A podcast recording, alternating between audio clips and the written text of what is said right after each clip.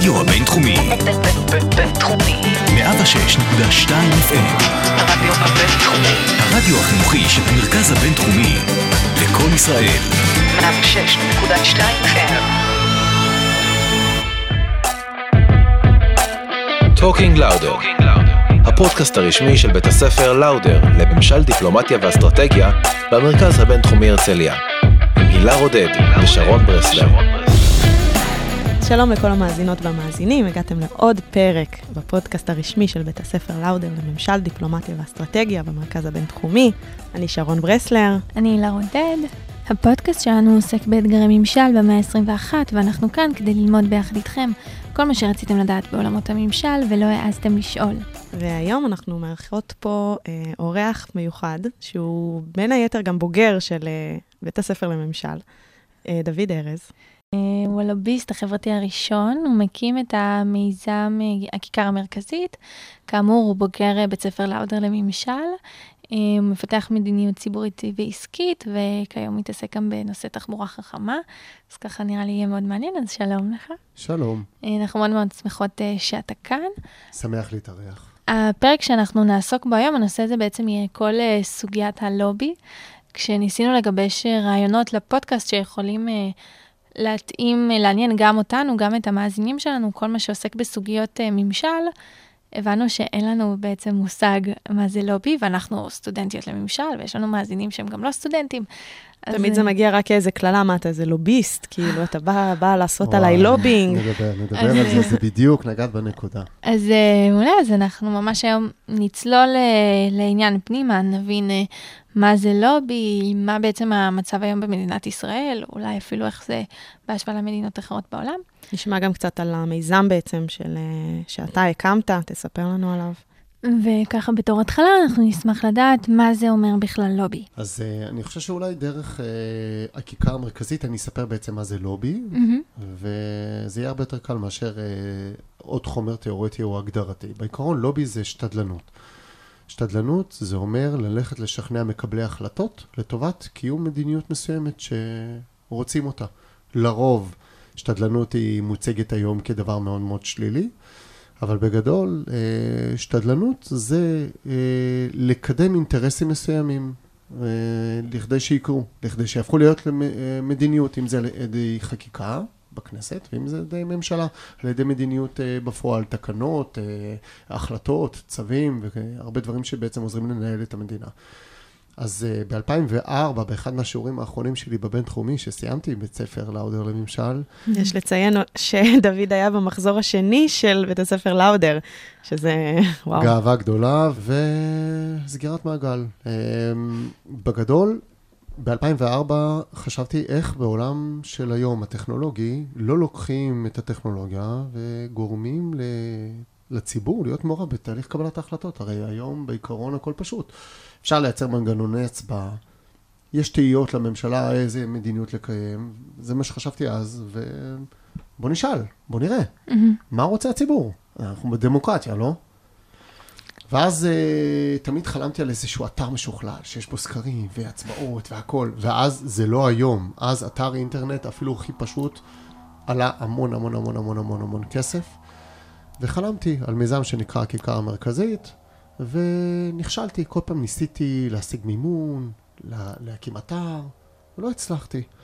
לימים התחלתי לעבוד בכנסת, בממשלה, עבדתי עם ראש ממשלה, עם חבר כנסת, עם שר. תפקיד האחרון שלי הייתי יועץ בכיר במשרד ראש הממשלה, ואני מספר את כל זה לא כדי לפאר את מה שאני עשיתי, אלא להגיד שכנראה הכל מלמעלה.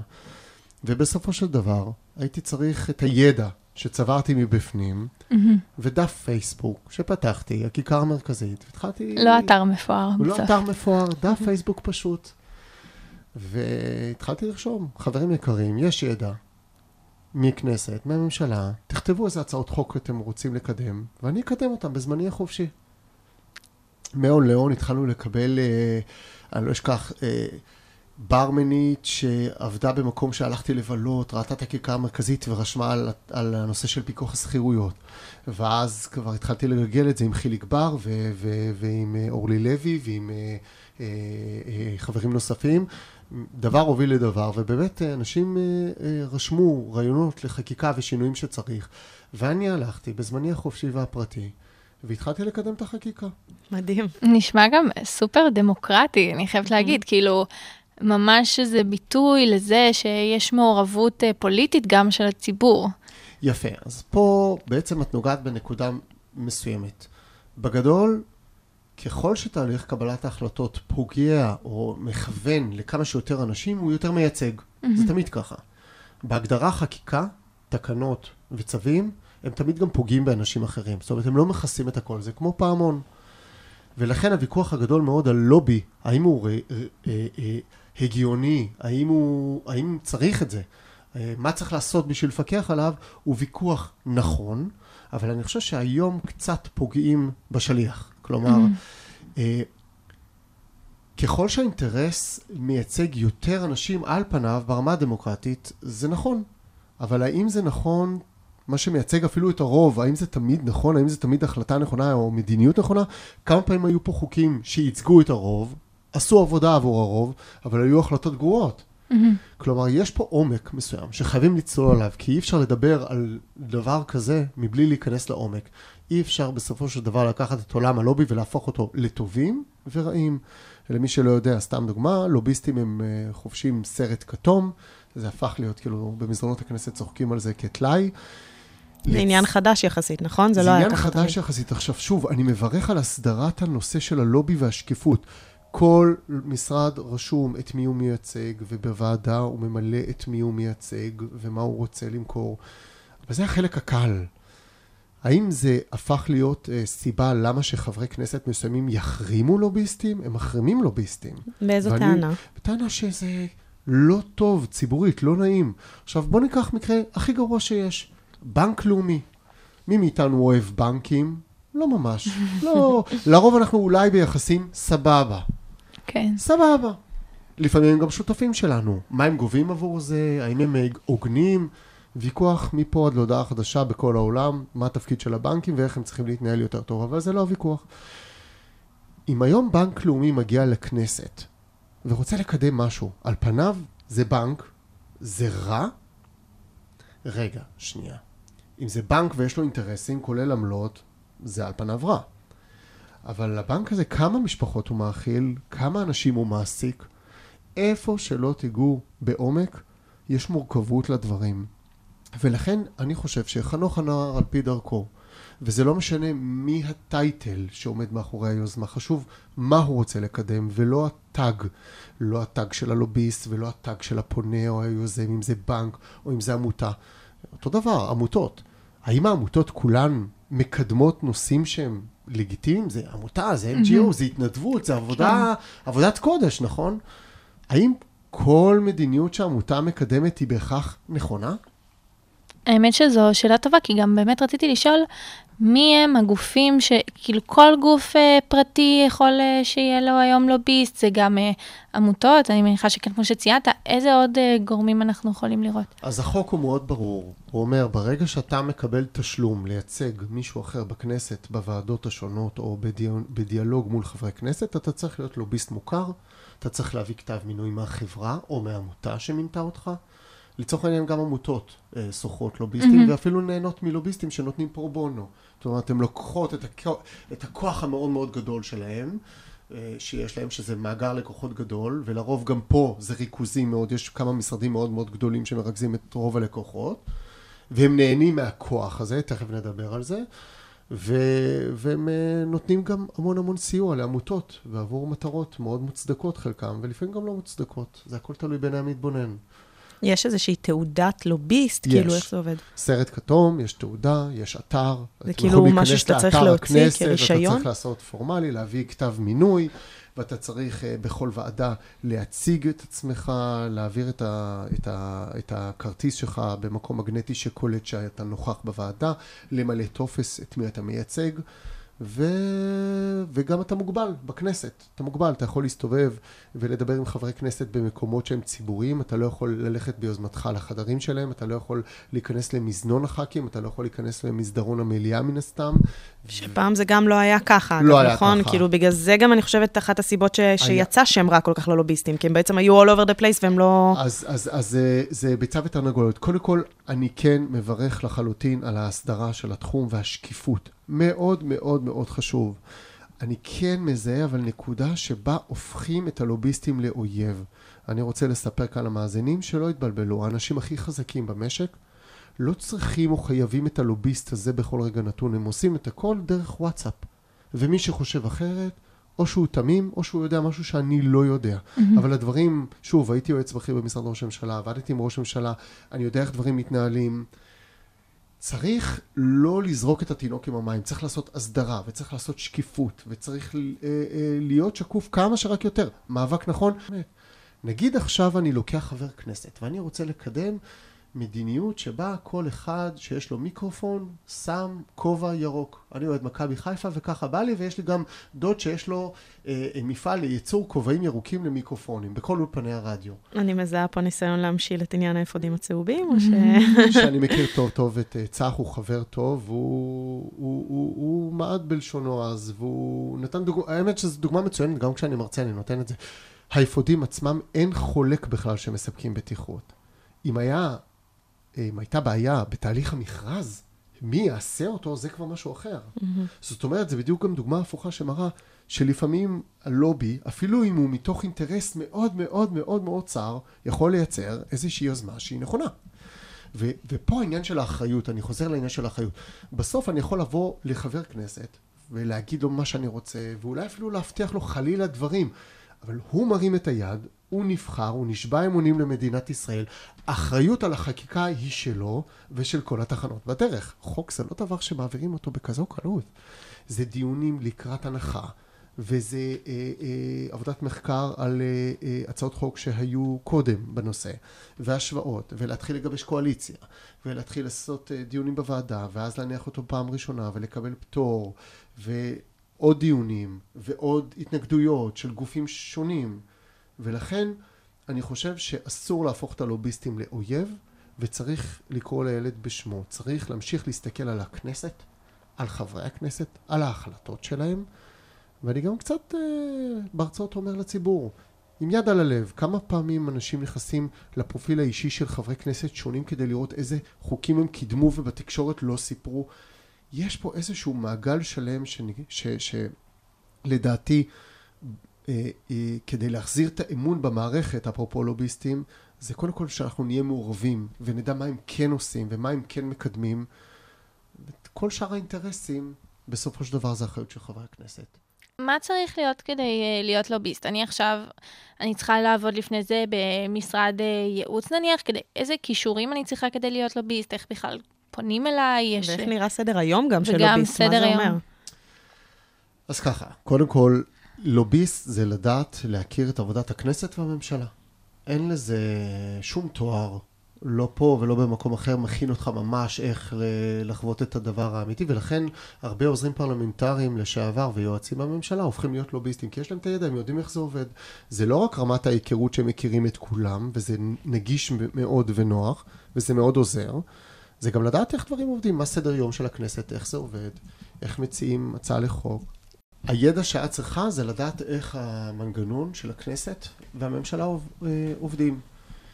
סדר היום, זה אומר שאם יש לך לקוח וקיבלת כתב מינוי, לצורך העניין את מייצגת היום את הרדיו של הבינתחומי, ומחר יש דיון במשרד התקשורת או איזושהי הצעת חוק שנוגעת לתחנות רדיו. ואת עכשיו כבר ותיקה פה ורוצה לייצג את, את הרדיו בדיון שיש בוועדת המדע והטכנולוגיה, או לצורך העניין ועדת הכלכלה שמרכזת את עולם התקשורת, אז את אה, עוברת אה, איזשהו בריף עם החברים שלך למקצוע פה ששולחים אותך, אם זה הדיקן, ואת יודעת מה המסרים שאת רוצה, ואת בודקת באתר הכנסת מתי הדיון, מוודא שהוא קורה, שולחת לפני איזה חומר לקריאה לחברי הכנסת ולוועדה אם, אם את רוצה באמת שיאמצו גם את ההצעה שלך. יכול להיות שההצעה שלך פה היא נוגעת לכל הרדיו בישראל והיא חשובה, היא פורצת דרך. ואת מתחילה לעשות עבודת שתדלנות, את מתחילה להאיר את מקבלי ההחלטות בידע ובכיוונים ובתוכנית שלך.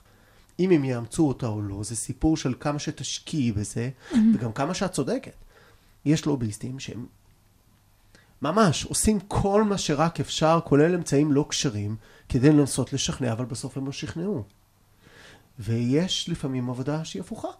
שאתה פוגש במסדרון חבר כנסת, ואתה אומר לו, תקשיב, ילדים סוכרתיים, לא נעלמת להם הסכרת בגיל עשר. אז למה זה, למה הקצבה היא רק עד גיל עשר? וואלה, צודק, אני רוצה לקדם את ההצעת חוק הזו. ואז כמובן עובד תהליך של שנה של עבודה. אז זה כל עניין מאוד מאוד יחסי של מידת המוכנות והבשלות של ההצעה, מידת המקצועיות של המגיש והדוחף, שזה הלוביסט, או בעל האינטרס, ומציאת הפרטנר הנכון בכנסת. הרי כולנו כל הזמן מדברים על, אה, מביעים תלונות על הממשלה ועל ההתנהלות, ולכל אחד יש את הביקורת שלו ולכל אחד יש מה להגיד. זאת בעצם נשמעת כמו הדרך של אותם אנשים שיש להם את הביקורת, ממש להגיע, ואשכרה לשנות. לשנות, אשכרה נכון. לעשות. כמו שאני אומר לפוליטיקאים, אני אומר אותו דבר גם לארגונים אקטיביסטים. תהיו אקטיביסטים, אל תהיו רעים. תהיו חיוביים, תקרינו אור, תשפרו, אתם עושים עבודה נפלאה. טיפה הורס בעיניי, טיפה הורס בעיניי שזה הפך להיות מלחמה נגד אנשים שבעצם הם כמו עורכי דין. אני לא רואה פסיקות כל כך מעצבנות, מקוממות, אני לא רואה אותנו קמים ויוצאים נגד עורכי הדין. שגם בסופו של דבר האחריות פה היא של חבר הכנסת שמחליט לקבל או לא לקבל את ההמלצה. ממש ככה, עוד יותר מבית משפט, שזה הרבה פעמים אתה לא יודע, גם כנאשם או מיוצג או אשם או מייצג, אתה לא יודע איך אתה יוצא מבית משפט. אותו דבר בכנסת, פה אבל יש באמת ריבון שהוא אחראי, הוא גם, זה כל מה שמנפנפים לנו כל הזמן, אנחנו הסמכות, אנחנו הסמכות. נכון, אז אם העברתי לו עכשיו במזוודה מיליון דולר, זה משנה בעצם, זה משנה בעצם, חוץ מזה שזה שוחד, זה משנה את זה שהוא הרים יד והאמין בהצעה. דרך אגב, אם הבאתי לו מיליון דולר והוא קידם את ההצעת חוק, אני אגיד משהו מאוד מעצבן, יכול, עדיין, יכול להיות עדיין שההצעה היא תהיה נכונה עבור הציבור. Mm-hmm. כלומר, ולכן צריך להיכנס לעומק של הסיפור ולהיצמד למהות. במהות היא יש קבלת החלטות, לוביסטים הם חלק מאז ומעולם, זה קודם ולדעתי הומצא בארצות הברית, וזה חלק מהסיפור, להיות מקורבים. אבל אה, אפשר גם להגיד אה, טענת נגד אולי, שרק ארגונים וחברות עם אה, כוח מאוד מאוד חזק, אז הם אלה שיש להם בעצם את האמצעים להשקיע בשירות לובי ולפתח את האינטרסים שלהם. אז כאן זה בדיוק ה... קודם כל יש מקום להמון המון המון עשייה עבור אלה שלא יכולים. אני אישית בחרתי לא, לא לבחור נושאים שהם סקסיים ויקבלו כותרות בדה מרקר כמו גז. Mm-hmm. אני בחרתי לתמוך בחד-הוריות, ילדים סוכרתיים, צליאק, אה, אה, פוסט-טראומה מהצבא, עוד לפני שסיקרו עכשיו את כל הסיפור הזה, ואני מאוד שמח mm-hmm. שזה מתפוצץ לכולם בפרצוף כתוצאה מטרגיות, ממש, כן. במקרה מאוד מאוד קשה, וחבל שזה צריך היה לקרות. אה, יש מקום לייצג את הציבור, ובעצם אני אומר דבר נורא פשוט. אין דבר כזה חברתי, אפילו שמופיע לי הלוביסט החברתי הראשון, כי זה בעצם סוג של סגמנט שאומר, אני בהתנדבות רוב הזמן, ובגלל זה החברתי, אבל אין דבר כזה חברתי, ואין דבר כזה צודק, ואין אמת אחת, וגם אין משהו אחד שהוא הוא הציבור.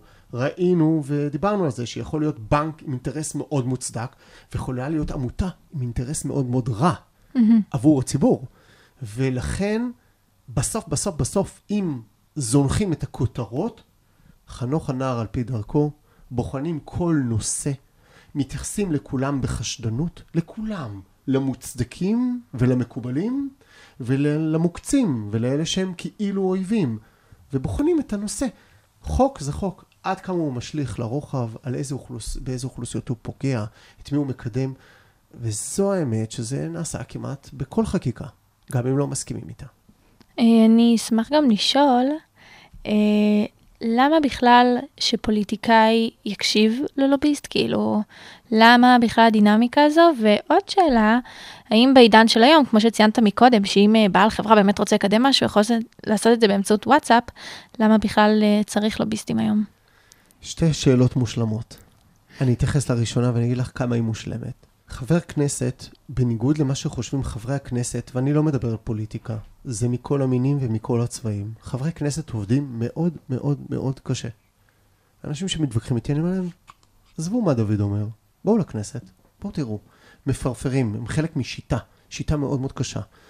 למשל, הכנסת היא בנויה בצורה כזו שיש המון דיונים במקביל במלא ועדות. הם לא מגבילים את עצמם בכמה ועדות להיות, וקשה להם, אז הרבה פעמים רואים צילום בערוץ הכנסת, ורואים חבר כנסת נוכח, הוא יודע מה העמדה שלו, הוא מוסר אותה לוועדה ואומר, מצטער, אני חייב לזוז לזה. איך זה נראה בבית? זה נראה בבית שכאילו לא לא אכפת לו, נמצאים. הם לא נמצאים. ובכלל, במליאה רואים לא נמצאים, רואים שמונה אנשים, ואז מה כל הציבור חושב?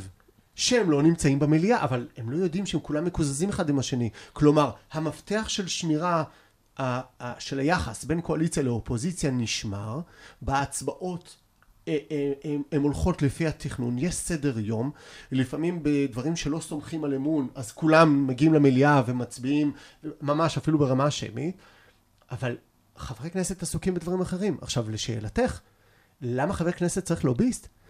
ועכשיו אנחנו נוגעים במהות. מחלקת המחקר של הכנסת קורסת. כשאת באה עכשיו לשנות חוק, את צריכה ידע. את צריכה ידע. גם אם את חברת כנסת תותחית על, בכל, ואפילו בנושא שאת מבינה בו, בכל דבר שיש לו השלכות, וכל דבר יש לו השלכות, אתה צריך לדעת איך זה נעשה בעולם, איך זה משפיע, מה המחירים, האם זה תקציבי או לא תקציבי, בכלל נדבר על זה אחר כך. וזה באמצעות המרכז מחקר של הכנסת. המחקר, נכון. עכשיו, יש פקק. ועכשיו אתה רוצה, רגע, את הקדנציה שלך פה זה שנה וחצי, שנתיים במדינת ישראל בשנים האחרונות. ארבע שנים, אתה רוצה לקדם חוק מאוד מהר. כן, לתקתק. למי אתה הולך? לכל מי שנותן לך ידע.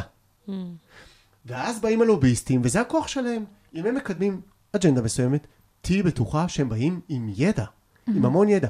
נכון, לרוב הם יקדמו את הידע שתומך את האינטרס שלהם, אבל גם לרוב יהיה שם ידע שמעלה שאלות, שהם לא העלו אותם, וזה ה-common sense שיש לחבר כנסת, לבוא ולשאול. זאת אומרת, הרבה פעמים גם חבר כנסת אומר, אוקיי, אתה יש לך אינטרס, אתה רוצה לקדם את ההצעת חוק, הבנתי, זה סדר היום שאתה מציע. ברשותך, אני אלך לבדוק את הנושאים א', ב', ג', ד'. אין לזה קשר לאותו גוף שדוחף, ואולי אפילו לא היה רוצה שיעלו את אותן שאלות. לכן אני אומר, איפה שיש את הידע, יש כוח.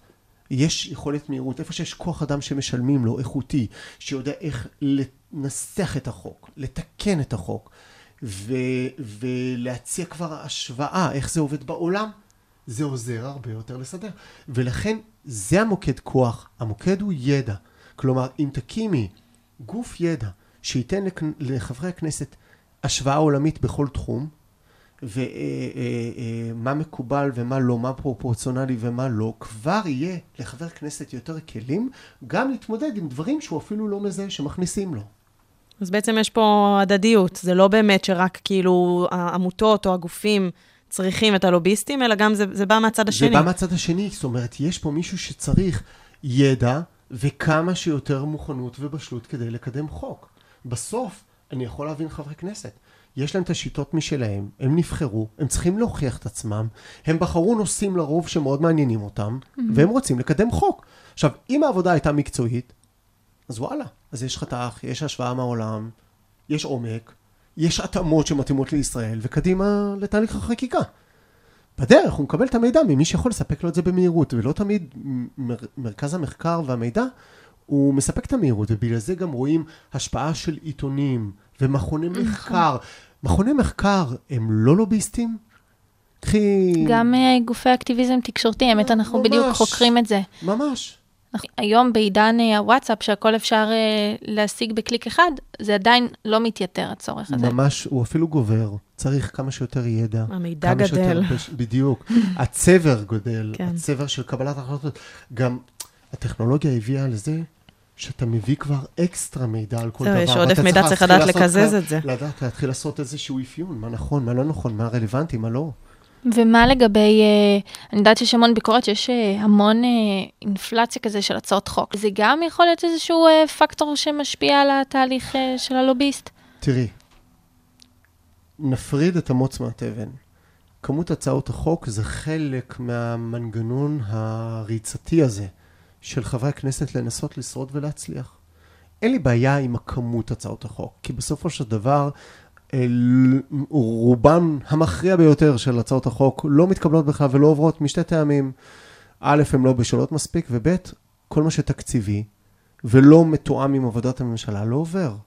כל מה שיש לו השלכות מאוד מאוד דרמטיות, נכנס לתהליך הרבה יותר עמוק, הרבה יותר רציני, לפעמים גם הרבה יותר קצר ופוליטי, אם זה חוק הסדרים או דברים כאלה, אבל זה לא משנה, זה עדיין מאושר על ידי הממשלה, וכן, יש פה איזה מיקס מבולבל, עדיין אין לנו הפרדת רשויות, ועצם ועדת שרים לענייני חקיקה, הממשלה היא זו ששולטת דה פקטו ודה יורו ואיך שאת לא רוצה, בכנסת.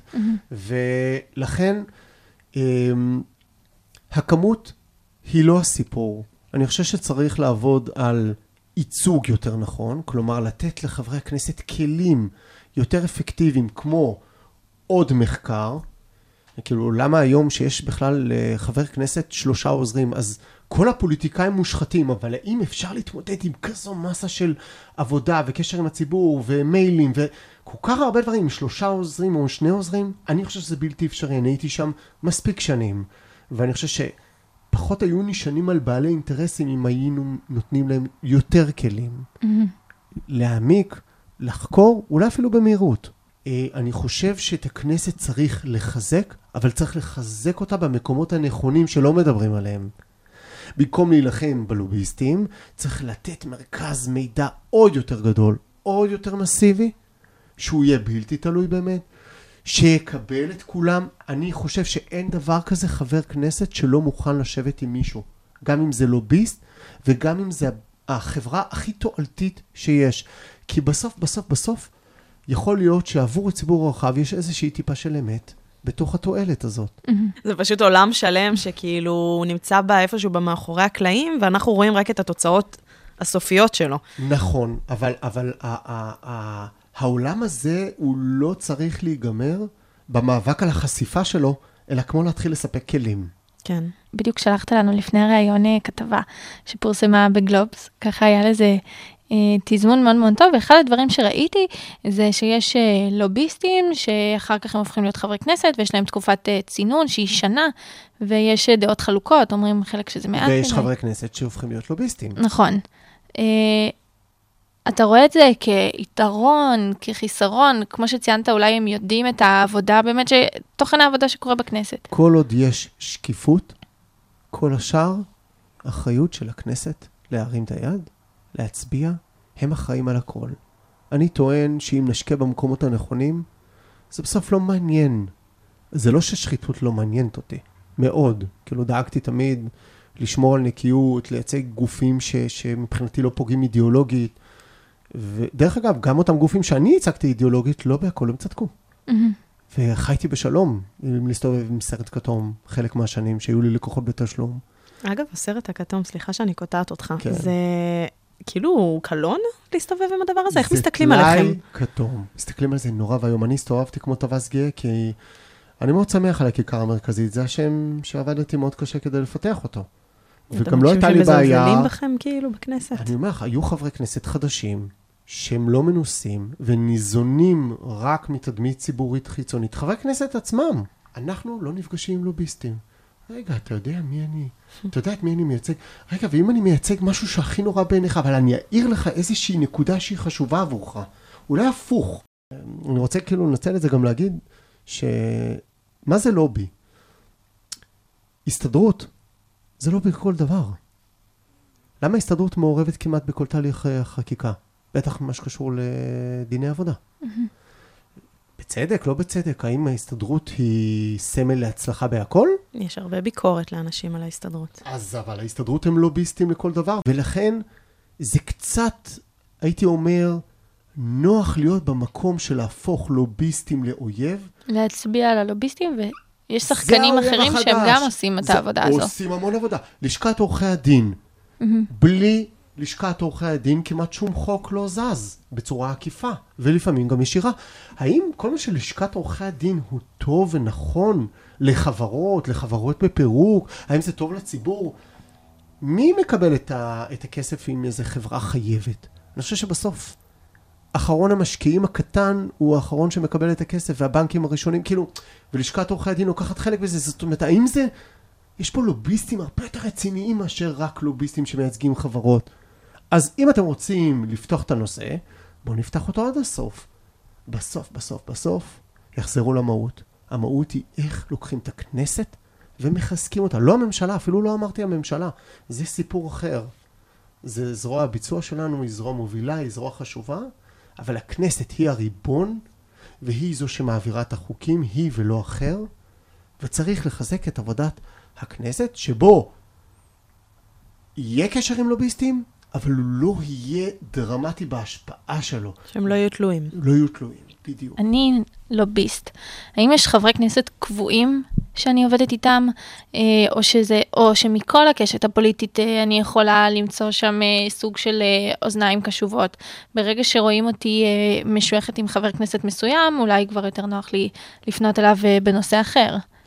או שאחרים דווקא לא ירצו ליצור נכון. איתך קשר בגלל שאת משויכת. אז אני אענה את זה בצורה דווקא מהעולם הציני של כסף. Mm-hmm. עכשיו תגידי, מה הכסף? מה הקשר כסף? את עכשיו משלמת לי מיליון דולר שאני אייצג אותך בכנסת. אבל לפני שאני לוקח ממך מיליון דולר, אז אני אומר לך, תקשיבי, ההיכרות היא לא הסיפור. זה שאני מכיר את חברי הכנסת, אחרי חמש דקות זה, אנחנו מגלים אם זה עוזר או לא עוזר. כי מה בסוף צריך לעשות? לקדם איזושהי מדיניות. Mm-hmm. הליהוק הוא שם המשחק בלובי. מי הכי חברתי ורוצה להיות חברתי? בעיניי, ואני זכרתי מדיונים קודמים שמשה כחלון נצנץ לו לעשות שינוי בנושא של יוקר המחיה. עכשיו, אם אתה לא יודע לקרוא עיתון זה לא מספיק. יוקר המחיה, מכון תקנים הוא פקטור דרמטי במח... ביוקר המחיה. אז אמרתי, רגע, כחלון הוא הכתובת. אז פניתי ליועץ הבכיר שלו, לנדב, שהיה גם ראש המטה שלו, אמרתי לו, תקשיב, יש לי בוננזה בשבילכם. למה בוננזה? זה לא איזה קומבינה, זה משהו שהוא נכון ומסתדר עם האג'נדה. כחלון רוצה להוריד יוקר מחיה, הנה, למבחן, מכון תקנים הוא חסם מאוד גדול ליוקר המחיה שלכם. הוא אמר לי, תקשיב, אני רוצה את זה. הוא לקח, סיפור אמיתי, הוא לקח, הכיר לי את רועי פולקמן, חבר הכנסת רועי פולקמן, mm-hmm. והוא לא הכיר אותי דקה, רועי. והוא אמר לו, תשב עם דוד, ובמשך uh, שנה היה איזשהו דיאלוג, שבאמת, מכון תקנים זה לא קשור לבטיחות, כי בזמן שמטילים אגרות על יבוא, ועושים אולי בדיקות בטיחות, אולי, אולי מוצדקות, אולי לא, אני יכול להזמין תחפושת לילדה שלי מסין, והיא תעלה באש חלילה. כלומר, בעידן של היום צריך לעשות התאמות. ובאמת, שאפו להם, לכחלון ולפולקמן, והם יזמו את הרפורמה ועשו רפורמה היסטורית ש-40 שנה אף אחד לא נגע בה, ושם ראינו ייצוג של גופים אחרים, עם לוביסטים או בלי לוביסטים, שבעיניי הם ייצגו דברים שהם לא טובים לציבור, ולא כולם היו עם סרט כתום. האמת שמצחיק שאתה מספר את הסיפור הזה, כי זה מתחבר לי פתאום לדברים שראיתי מהצד השני. אני זוכרת שהייתה איזו כתבה על מכון התקנים, כן. אה, וששם דווקא הציגו את הצד שלהם. שהם נורא ניסו לשכנע ולהסביר למה מכון התקנים זה הדבר הכי חשוב, ולמה חייבים לשמר אותו ולהגדיל אותו. נכון, ו... ולמה, הוא, ולמה הוא מגן על הילדים שלנו והכל נכון. שהראו ובס... שם אה, בובות עולות באש כזה, להפחיד אותנו. וגופים זה... ציבוריים כאלה לא לקחו לוביסטים? בטוח. אבל הלוביסטים של מכון תקנים הם חברים. אני, הם לא אויבים בעיניי. כל לא אחד לא פשוט מייצג אה, אינטרס אחר. כל אחד מייצג את האינטרס אחר, וזה בסדר. לקראת סיום, קודם כל נושא כאילו מרתק. אני לא חשבתי בתחילת הפרק שהוא יהיה כאילו... שלכאן יתגלגל. עוד שאלות ועוד שאלות. אז קודם כל... האם זה הדרך שלך להגיד שלא עניתי לשום שאלה לעניין? לא, לא, לא, מעניין מאוד, ואני אה, אשמח לדעת אה, מה אה, נקודת מבט מהסיפור האישי שלך. מה בער בך, איזה תשוקה בערה בך בעצם לעשות את הדבר הזה, להיכנס לעולם הזה שידעת אולי שיש לו את השמות האלה? אני אגיד לך את האמת, ושוב, אמרנו, לכולם יש אינטרסים, גם לי יש אינטרס. אני בחור, בסך הכל, מגיל 15 חלמתי להיות חבר כנסת, רציתי להיות, uh, רציתי מאוד להשפיע. ויש לי אינטרס להצליח. אני אישית חושב שעשייה מביאה הצלחה. אז בחרתי, ובכלל בישראל, עם הציניות הקיימת, עשייה בהתנדבות היא עוד יותר איזה סוג של הצצה למה אתה יכול ועושה. כי אם אתה מאמין במה שאתה עושה, ואתה רוצה להזיז עניינים, אז תזיז עניינים, ואם הצלחת, הרווח של כולם. אז לכולם יש אינטרס, גם לי, זה לא שאני איזשהו צדיק. אני מאוד מאוד, הכיכר המרכזית נתנה לי, היכולת, הקשר עם הציבור נתן לי נתן לי אוויר, נתן לי יכולת לממש השפעה, גם לי להיות חבר כנסת. וזה בא מהמקום האישי, האינטרס שלי. ואני חושב שבגלל זה לובי הוא, הוא כוח וצריך לשכפל אותו כמה שיותר, כמה שיותר היבטים, לכמה שיותר מגזרים, וללכת לייצג באמת את אלה שבאמת באמת אף אחד לא מדבר איתם. זה כמו ההומלסים שנמצאים ברחוב, ועד לנערות במצוקה, שזה לא נושא סקסי כאילו לקדם אותו ולראות איך עוזרים להם, ועד לפוסט-טראומטי, עד למקרה שבו איציק הציג את עצמו שאף אחד, באמת, ייאמר לזכותם של כמה עיתונאים שכן הציפו את זה עם הזמן, אבל בואו, כל אמצעי התקשורת מדברים על זה עכשיו, לא היה להם לוביסטים בתשלום. ועל זה, על זה אני כן מסכים. ופה אני חוזר כן לאחריות של חברי הכנסת. חברי הכנסת צריכים לבחור גם את הנושאים הלא פופולריים, חלקם עושים את זה. אבל פה רגע, זה השילוש הקדוש. התקשורת לא נותנת לזה במה. נכון.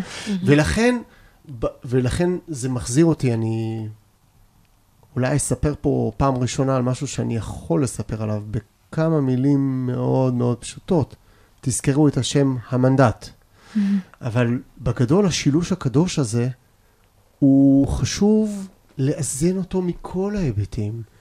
גם לתקשורת היא לא אויבת, הם חברים. ויש להם הם, מה שמוכר ומה שמעניין, הם מספרים, הם לא מבלפים, הם לא מסלפים לפעמים. ולכן כל הגישה בכלל למשולש הזה היא צריכה להיות מאוד קורקטית, עניינית, ואין בעיה עם אינטרסנטיות, הפוך. ואני חושב שאינטרסנטיות היא מפתח להצלחה של שינוי.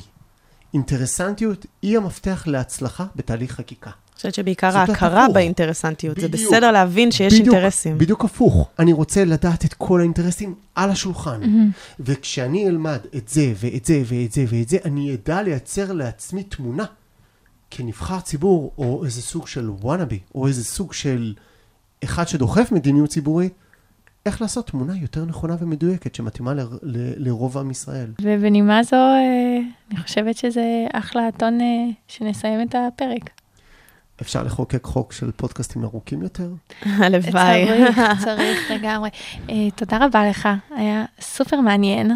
תודה רבה לכם. אגב, אנחנו כיף. רק נציין פה לקראת סוף הפרק, שלדוד גם כן יש פודקאסט משל עצמו, מי שמעניין אותו נושא התחבורה החכמה. אז אה, הפודקאסט נקרא... חמישי חדשני של נתיבי איילון, יש לי את הזכות אה, אה, לעבוד עם החברה הנפלאה הזאת שמקדמת תחבורה חכמה. כל מה שהוא טכנולוגי ולא סלילת כביש, זה הולך לפתוח לנו עתיד אדיר, אולי אה, ניפגש פה אפילו לעוד איזה פרק. בכיף. מעולה, אז תודה רבה. תודה רבה, תודה ותודה לכם. לכם, ותודה לכל המאזינים. ביי ביי.